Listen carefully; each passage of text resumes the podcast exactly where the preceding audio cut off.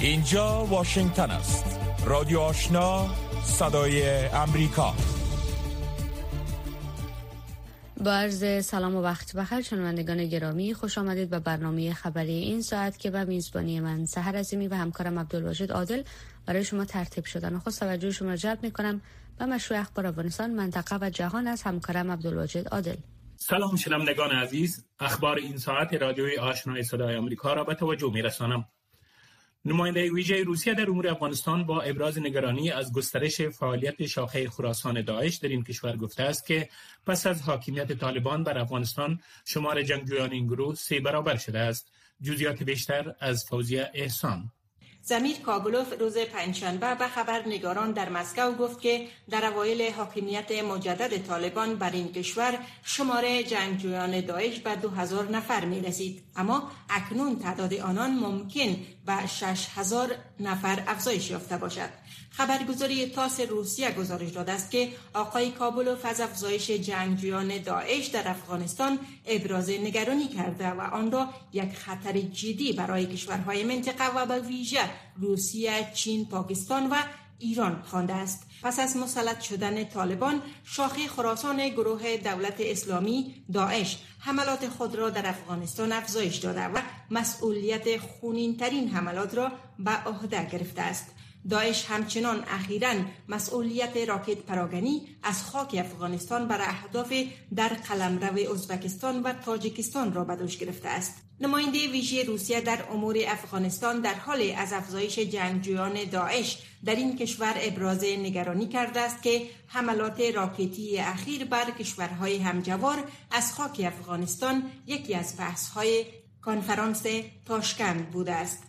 مقامات طالبان می‌گویند که وانگی وزیر خارجه چین در دیدار با امیر خان متقی سرپرست وزارت خارجه طالبان تعهد کرده است که کشورش هفته آینده روند صدور ویزا به شهروندان افغانستان را آغاز می کند. زیا احمد تکل معاون سخنگوی وزارت خارجه طالبان با فرستادن پیامی به خبرنگاران گفت که این دیدار مقامات چین و طالبان در حاشیه کنفرانس بین تاشکند صورت گرفته است. چین پس از مسلط شدن طالبان بر افغانستان سفارت خود را در کابل باز نگه داشته اما این کشور در این مدت از صدور ویزا به شهروندان افغان به شمول تجار و دانشجویان افغان در آن کشور خودداری کرده است. این در حالی است که اخیرا اتاق تجارت و سرمایه گذاری افغانستان خواستار حل مشکلات ویزای چین با تجار افغان شده و گفته بود که برای افزایش صادرات محصولات این کشور به چین باید تمام مشکلات تجار افغان برداشته شود. کمیشنر عالی ملل متحد در امور پناهندگان در افغانستان یونیسیار می‌گوید که از سال 2021 میلادی تا کنون 920 هزار بیجا شده داخلی در این کشور دوباره به مناطق اصلی خود برگشتند. این کمیشنری امروز در تویترش گفت که روند برگشت آوارگان داخلی در بخشهای افغانستان جریان دارد و تنها در جریان یک هفته گذشته 5500 نفر دوباره به محلات خود برگشتند. به گفته ملل متحد این نهاد این آوارگان را که به گونه داوطلبانه به مناطق خود برمیگردند کمک کرده و نیز زمینه انتقالشان را به ولایت فراهم می کند. در روزهای اخیر بیشتر این افراد از کابل به محلات اصلی خود برگشت کردند. این سازمان به تاریخ 12 مارچ در گزارش گفت که آخرین بررسی آنان نشان می‌دهد که همکنون 5 میلیون و 832 هزار و 454 نفر بیجا شده داخلی در سراسر افغانستان وجود دارد. اخبار را از رادیوی آشنای صدای امریکا میشنوید. جدایی طلبان مورد حمایت روسیه می‌گویند که گلوله باران اوکراین در شرق اوکراین دست کم چل اسیر جنگی اوکراینی را که در جریان درگیری ها در ماریوپول اسیر شده بودند کشته است. جدایی طلبان گفتند که دست کم 75 زندانی دیگر زخمی شدند. جزئیات بیشتر از سحر عظیمی.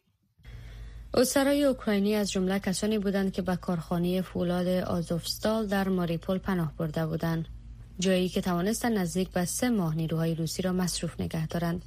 وزارت دفاع بریتانیا روز جمعه از طریق تویتر اعلام کرد که روسیه در یک تغییر مهم مسئولیت بخشی از های خط مقدم جبهه خود را به گروه واگنر یک شرکت نظامی خصوصی روسی واگذار کرده است ولادیمیر زلنسکی رئیس جمهور اوکراین روز پنجشنبه در سخنرانی روزانه خود گفت هیچ کس در جهان بیشتر از روسیه روی دهشت افکنی سرگرمی گذاری نمی کند. زلنسکی از سناتورهای امریکایی تشکر کرد که با اتفاق آرا قدنامه درخواست از وزارت خارجه ایالات متحده را تایید کردند که روسیه را به عنوان کشور حامی دهشت افکنی به رسمیت می‌شناسد. روسیه در این صورت به کیوبا کره شمالی ایران و سوریه خواهد پیوست. رئیس جمهور شی جی پینگ در جریان یک تماس تلفنی با همتای امریکایی خود جو بایدن نسبت به مداخله در تعامل چین با تایوان هشدار داد. به نظر می رسد که این مکالمه تلفنی هیچ نشانه از پیشرفت در تجارت، تکنولوژی یا سایر عوامل تحریک کننده از جمله مخالفت بیجینگ با قانونگذار ارشد امریکایی را از خود نشان نداد. بر اساس اطلاعات از سوی حکومت چین در تماس غیر معمولی طولانی حدود سه ساعته بین رهبران دو کشور شی همچنین نسبت به تقسیم دو اقتصاد بزرگ جهانی هشدار داد رهبران روسیه، فرانسه و امریکا در حال رفت آمد به افریقا برای جلب حمایت از مواضع خود در مورد جنگ در اوکراین هستند و به گفته برخی این شدیدترین رقابت برای نفوذ در این قاره از زمان جنگ سرد تا کنون است. سرگی لاوروف وزیر خارجه روسیه و ایمانوئل مکرون رئیس جمهور فرانسه هر کدام در این هفته از چندین کشور افریقایی دیدن می کنند. سامانتا پاور رئیس اداره انکشاف بین‌المللی ایالات متحده هفته گذشته به کینیا و سومالی رفت. لیندا تامس گرینفیلد سفیر ایالات متحده در سازمان ملل هفته آینده به گانا و یوگاندا خواهد رفت. مجلس نمایندگان ایالات متحده یک بسته 280 میلیارد دلاری را صنعت سمیکاندکتر و تحقیقات علمی در تلاش برای ایجاد مشاغل یا تکنولوژی پیشرفته و کمک به این کشور برای رقابت بهتر با رقبای بینالمللی یعنی چین تصویب کرده است این مجلس با 243 رای موافق در مقابل 187 رای مخالف این لایحه را تصویب کرد این اقدام اکنون برای رئیس جمهور جو بایدن جهت توشیه می رسد تا به قانون تبدیل شود و پیروزی بزرگ را در سیاست داخلی برای قصر سفید فراهم می کند. رهبری حزب جمهوری خواه در مجلس با این استرلال که سنت سیمیکاندکتر نیاز به دستور های از سوی دولت ندارد رای مخالف برای این لایحه را توصیه کرد اما برخی از قانونگذاران جمهوری خواه تصویب این قانون را برای امنیت ملی مهم می دانستند. و خبر آخرین که یک مقام بانک ملی افغانستان گفته است که محکمه در نیویورک نیم اسماعیل امریکایی افغان تبار را با جرم کلاهبرداری نزدیک به 16 میلیون دلار امریکایی به 6 سال زندان محکوم کرده است. حکمت الله فوشنجی رئیس اداره تجارتی افغان امریکن بخشی از بانک ملی افغانستان در شهر نیویورک که برای نزدیک به 6 سال در مورد قضیه مربوط به اسماعیل با اداره های سرمفتش خاص ایالات متحده در امور بازسازی افغانستان سیگار و اداره تحقیقات فدرال اف بی آی با گونه مشترک کار کرده است. به صدای امریکا گفت که فرد کلاهبردار روز چهارشنبه در محکمه واقع جنوب شهر نیویورک حضور یافت. فوشنجی گفت در حالی که اسماعیل زولانه به پا داشت روز چهارشنبه در محکمه جنوبی شهر نیویورک به 6 سال حبس در زندان و سه سال حبس خانگی تحت نظارت محکوم شد. با گفته این مقام بانک ملی افغانستان مستقر در شهر نیویورک قاضی محکمه چندین بار قبل از صدور حکم تاکید کرد که اسماعیل با استفاده از پولهایی که از طریق کلاهبرداری به دست آورده بود موتورهای مفشن و گران قیمت جگوار که تا 120 هزار دلار امریکایی قیمت دارد خریداری کرده بود. علاوه بر آن به گفته فوشنجی قاضی همچنین چندین بار تاکید کرد که فرد مجرم به ارزش صدها هزار دلار امریکایی چک را بدون رعایت قانون شرکت های امریکا به خود و اعضای خانوادهش صادر کرده بود. به گفته این مقام بانک ملی افغانستان مستقر در نیویورک بر اساس فیصله محکمه تمام حسابات بانکی و عواید اسماعیل در آینده تحت نظارت حکومت امریکا قرار خواهد داشت و قاضی از وی خواست تا پولهای متبقی را برگرداند. فوشنجی در مصاحبه با صدای امریکا ادعا کرد که به نمایندگی از بانک ملی افغان در جریان محاکمه خود شخصا به سارانوالان و نمایندگان سیگار گزارش مفصل از کلاهبرداری نعیم اسماعیل و برادرش مصطفی اسماعیل ارائه کرده است. پایان اخبار. روکو راست. صحبت های داغ صاحب نظران در مورد خبرها و مسائل روز هر شام از ساعت 8 تا 9 شب در برنامه مشترک دری و پشتوی رادیو آشنا صدای امریکا. بخش زنده این برنامه را در نشرات ماهواره صدای امریکا نیز دنبال کرده می توانید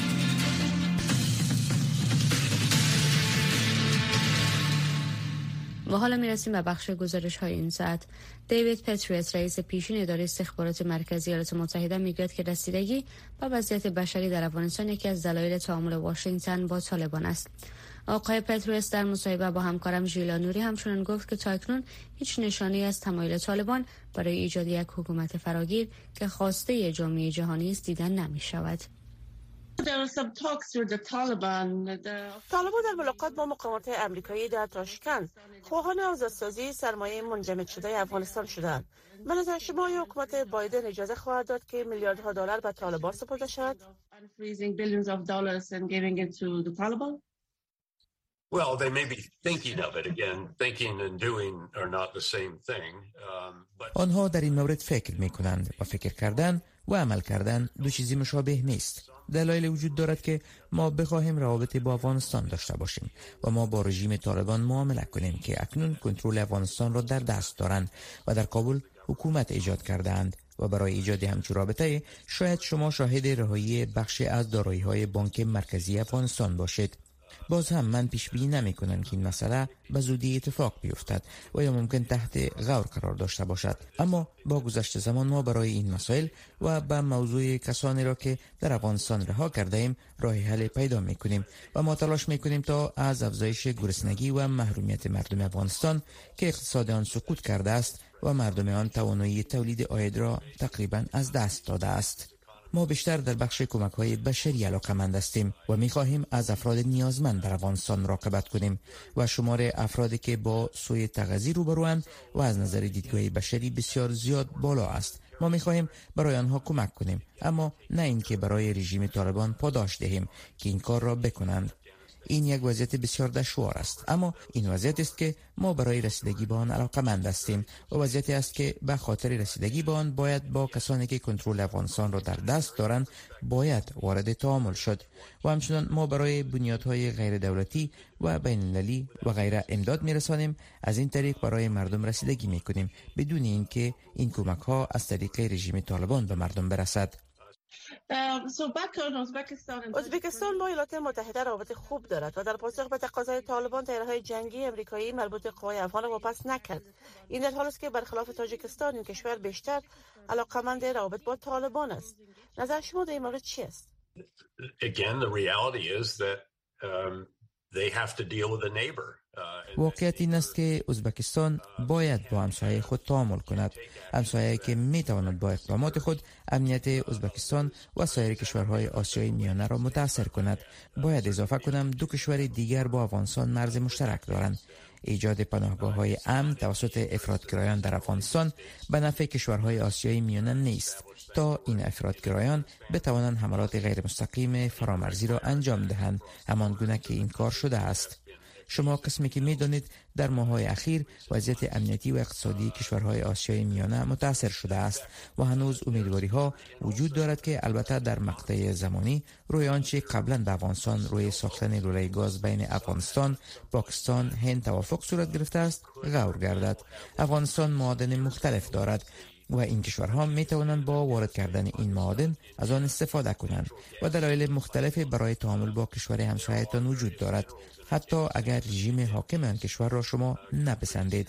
به نظرم ازبکستانی ها در مورد رژیم حاکم در افغانستان بدبین هستند و روی همین دلیل تیاره های قوای افغانستان را به طالبان تسلیم نمی کنند So Taliban, uh, repeatedly, they are accused of human rights abuses by... طالبان مکررا از جانب بنیادهای حقوق بشر و حکومت متهم و نقض حقوق بشر در افغانستان شدند اما سخنگوی این گروه همچون تخطی ها را رد می کند و ادعا کرده است که آنها به تقاضای معیارهای غربی پاسخ نمی دهند نظر شما در مورد وضعیت حقوق بشر در افغانستان چی است Again, it's enormously concerning. It's enormously disappointing. It's uh, وضعیت حقوق بشر بسیار نگران کننده، مایوس کننده و هولناک است که زمان را به عقب برگشتاندند و دختران از مکتب رفتن باز ماندند و زنان به دانشگاه نمی روند و از فعالیت های مختلف تجاری و حکومتی و جامعه خود برکنار شدند. همه این مسائل بسیار مایوس کننده است اما بسیار قابل پیش بینی بود ما و شما قبلا در این مورد نیز صحبت کرده بودیم و حتی قبل از سقوط حکومت کابل و قوای افغان ما از آمدن همچو وضعیت حراس داشتیم که طالبان با گرفتن کنترل افغانستان این کار را خواهند کرد و واقعا کشور را بعد چندین قرن پیش برگشتاندند و با تعبیر خود از اسلام که برای جهانیان ناشناخته است شرایط سختگیرانه خود را دارند. در حال حاضر حقوق عادی شهروندی افراد به شمول زنان و مردان در کشور وجود ندارد و این مسئله بسیار نگران کننده است برخی به این باورند که در میان گروه طالبان تفرقه وجود دارد. این در حال است که سرپرست وزارت خارجه طالبان در مورد راه حل سیاسی صحبت کرده و گفته است که از شخصیت های سیاسی پیشین در افغانستان دعوت شده است که به کشور برگردند به نظر شما طالبان آماده تشکیل حکومت همه شمول هستند Uh, it's not evident so far. Uh, as you know, there was a large gathering uh, of leaders from throughout تا کنون هیچ شواهد مبنی بر ایجاد یک حکومت همه شمول وجود ندارد. یک گرد همایی بزرگ با اشتراک رهبران از سراسر کشور برگزار شد. یقینا که برخی رهبران پیشین و سایر افراد می‌خواهند نقشه در حکومت داشته باشند که این خود از رهگذر شمولیت قومی، فرقه‌ای و قبیله‌ای می تواند حکومت را فراگیر سازد. اما طالبان تاکنون هیچ تمایلی به دادن نقش معنیدار به این افراد نشان ندادند. مطمئن هستم افراد وجود دارند که به امید بازی کردن نقش در حکومت جدید در افغانستان ماندند. اما تاکنون رهبری طالبان شامل ساختن این افراد را در حکومتشان نپذیرفتند.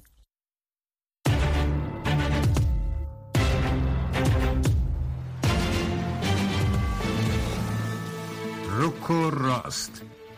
صحبت های داغ صاحب نظران و نظریات شنوندگان در مورد خبرها و مسائل روز هر شام از ساعت 8 تا 9 شب در برنامه مشترک دری و پشتوی رادیو آشنا صدای امریکا.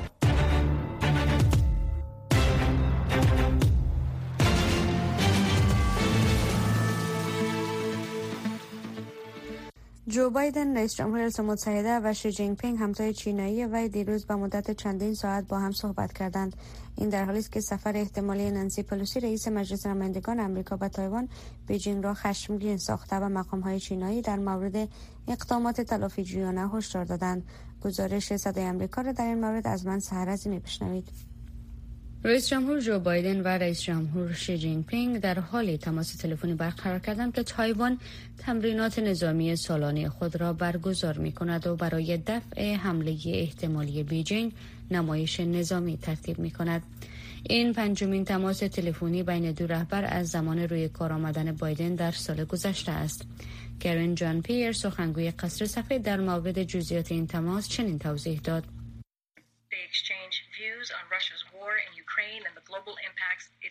آنها در مورد جنگ روسیه در اوکراین و تاثیرات جهانی آن تبادل نظر کردند و متعاقبا رئیس جمهور بایدن تاکید کرد که در مورد تایوان سیاست ایالات متحده تغییر نکرده است و ایالات متحده به شدت با تلاش های یک جانبه برای تغییر وضعیت موجود در تایوان یا تضعیف صلح و ثبات در سراسر تنگه تایوان مخالف است. مقامات در مورد تاثیرگذاری این گفتگو و کاهش تنش‌های دو جانبه معلوماتی ارائه ندادند و هر دو طرف اطلاعات محدودی ارائه کردند. رابرت دالی مدیر مؤسسه کنزجر در مرکز بلسن در رابطه با استراتژی چین و ایالات متحده می‌گوید واشنگتن و بیجینگ هر دو در گزارش دهی عمومی خود از این جلسات همیشه گفته ها و دیدگاه های طرف خود را توصیف می کنند. هیچ یک از طرفین هرگز آنچه را که شنیده توصیف نمی کنند که مسلما مهمتر است. به نظر می رسد که آنها خیلی کم به دیدگاه یک دیگر گوش می دهند. اما تایوان تمرکز اصلی صحبت ها بین امریکا و چین است. تایوان تمرینات هوایی را در حال برگزار کرده است که نگرانی ها در مورد تنش های ناشی از بازدید احتمالی نانسی پلوسی رئیس مجلس نمایندگان ایالات متحده از جزیره ای که بیجینگ آن را قلمرو جدا شده خود می‌داند وجود دارد. نانسی پلوسی رئیس مجلس نمایندگان در این مورد گفت فکر می کنم که حمایت از تایوان برای ما مهم است. همچنان فکر می کنم که هیچ کدام از ما هرگز نگفتیم که طرفدار استقلال در مورد تایوان هستیم. تصمیم این موضوع به تایوان بستگی دارد. بیجینگ بارها هشدار داده است که در صورت مداخله در موضوع تایوان با قاطعیت پاسخ خواهد داد. ژانو لجیان سخنگوی وزارت خارجه چین گفت.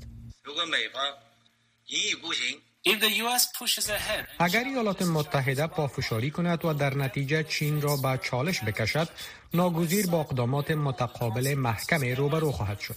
طرف امریکایی تمام عواقب ناشی از این گونه برخورد را متحمل خواهد شد. بیجینگ همچنین از قانون چیپس یا کامپیوترهای کوچکی که روز پنجشنبه در مجلس نمایندگان متحده تصویب شد انتقاد کرد. این قانون بودجه ساخت و تحقیقات علمی را برای افزایش رقابت پذیری امریکا تقویت می کند این به عنوان تلاشی برای مقابله با چین مطرح شده است. شنوندگان گرامی رادیو آشنا صدای امریکا نشرات رادیو آشنا را در موج متوسط 1296 موج کوتاه 11575 اعشاری صفر و در موج 972 کیلوهرتز شنیده می توانید. جو بایدن رئیس جمهور متحده و مقام های حکومت وی از بکارگیری واژه راکود به خاطر توصیف وضعیت اقتصادی این کشور اجتناب می کنند. این در حالی است که آمار تازه نشر شده نشان می دهد که اقتصاد ایالات متحده در دو ربع متواتر سال کوچک شده است. نشانه ای که از سوی بسیاری کارشناسان رکود اقتصادی تلقی می شود برگردان گزارش استیفرمن را از روی زمانی در این مورد میشنویم. پس از نشر آمار تازه وزارت تجارت ایالات متحده آمریکا روز پنجشنبه که 9 دهم یک درصد کاهش تولید ناخالص داخلی در ماه اپریل تا ماه جون را نشان می دهد رئیس جمهور بایدن از آن کرد که بحث ها در مورد رکود اقتصادی اوج خواهد گرفت.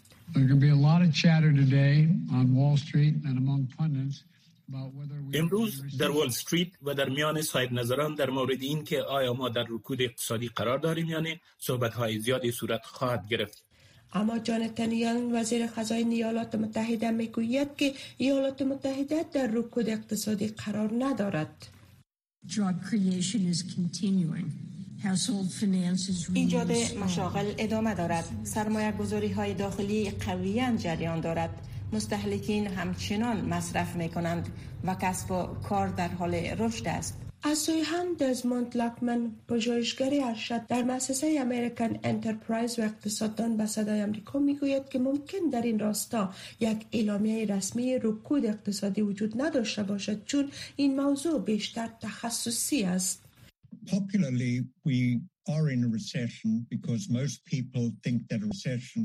از نظر مردم ما در رکود اقتصادی هستیم. زیرا اکثر مردم فکر می‌کنند که رکود اقتصادی یعنی رشد منفی اقتصادی در دو ربع متوالی سال. و ما آن را در حال حاضر داریم.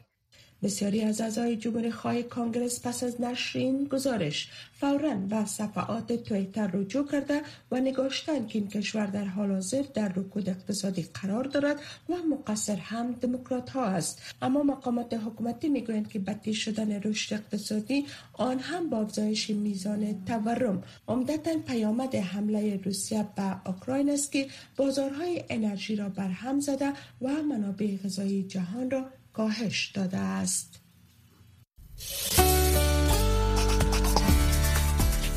شنوندگان گرامی رادیو آشنا صدای امریکا نشرات رادیو آشنا را در موج متوسط 1296 موج کوتاه 11575 اشاری سفر و در موج 972 کیلوهرتز شنیده می توانید.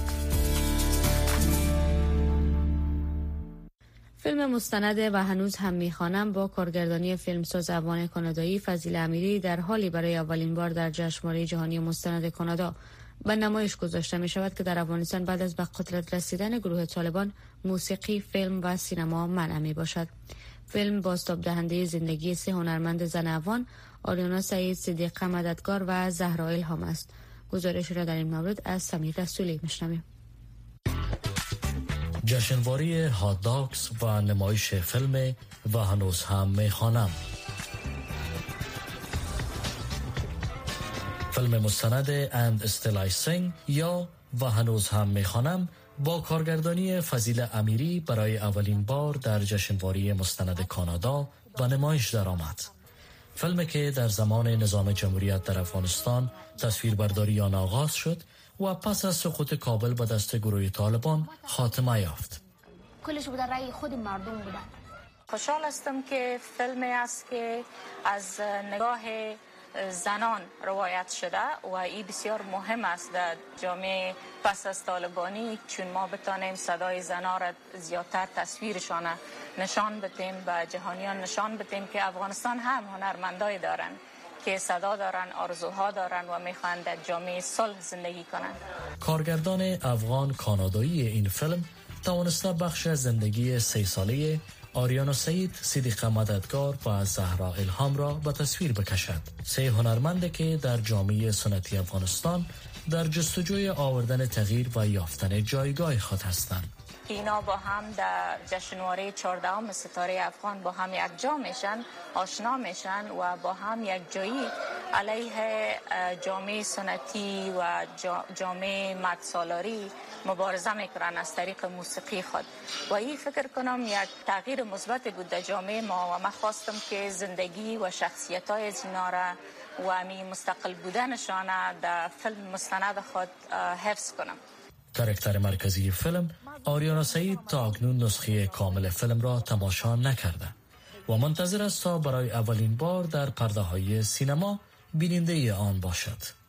مطمئنا ما شاید بسیار زیاد emotional شوم یا احساساتی شوم مرزی که هر حالتی که بود بالاخره در افغانستان بودیم یک کار می‌کردیم در اونجا زندگی می‌کردیم و فعلا در یک حالت هستم که اونمو افغانستان که اگر پرابلماتیک بود و یا مشکلات بود هر چیز بود حداقل داشتیم صدیقه مددگار که در حال حاضر در بیرون از افغانستان به سر می‌برد بعد از دیدن این فیلم آرزوی برگشت به گذشته را دارد. وقتی که من دوکومنتری دیدم می‌گفتم او زمان بر من فرصت بود و من در حال انجام زحمتم بودم و من کوشش می‌کردم با اون روی های قدم به قدم برسم. ولی الان وقتی دوباره دوکومنتری دیدم فقط فقط درد و رنجم بیشتر. فقط گفتم این رویا و این امید دیگه بر دختر افغانستان نیست تدوینگر فیلم که اهل ایران است داستان این فیلم و مشکلات زنان افغان را مشابه وضعیت در کشورش می داند. چندین بار به مراتب اشک من درآمد. برای اینکه داستان این سه زن که بسیار نزدیک به داستان خیلی از زنایی که در مملکت خودم هم زندگی می‌کنن. خب برای من یک داستان آشناست. برای همین هر اتفاقی که براشون میافتاد روی من تاثیر احساسی قوی داشت. اشتراک کنندگان از این که زندگی زنان افغان توسط یک زن افغان به تصویر کشیده شده استقبال کردند.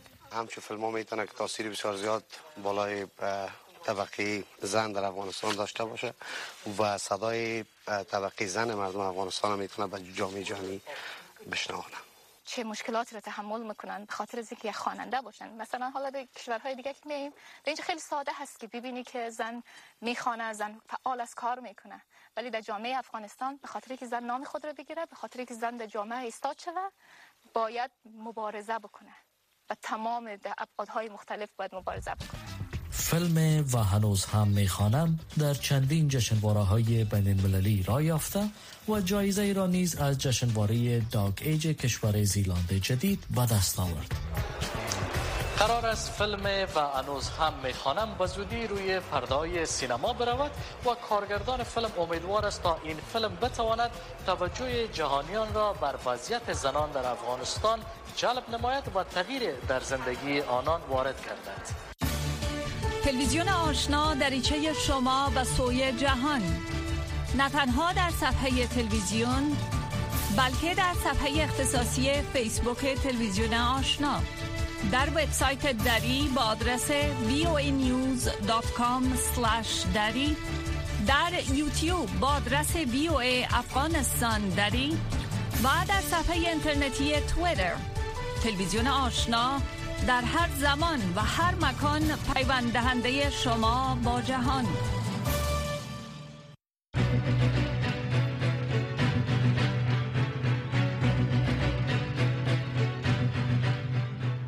می‌رسیم به پایان بخش خبری این ساعت از رادیو آشنا صدای امریکا برنامه های زنده ما تا دقایق بعد آغاز می شود شنونده برنامه های ما باشید.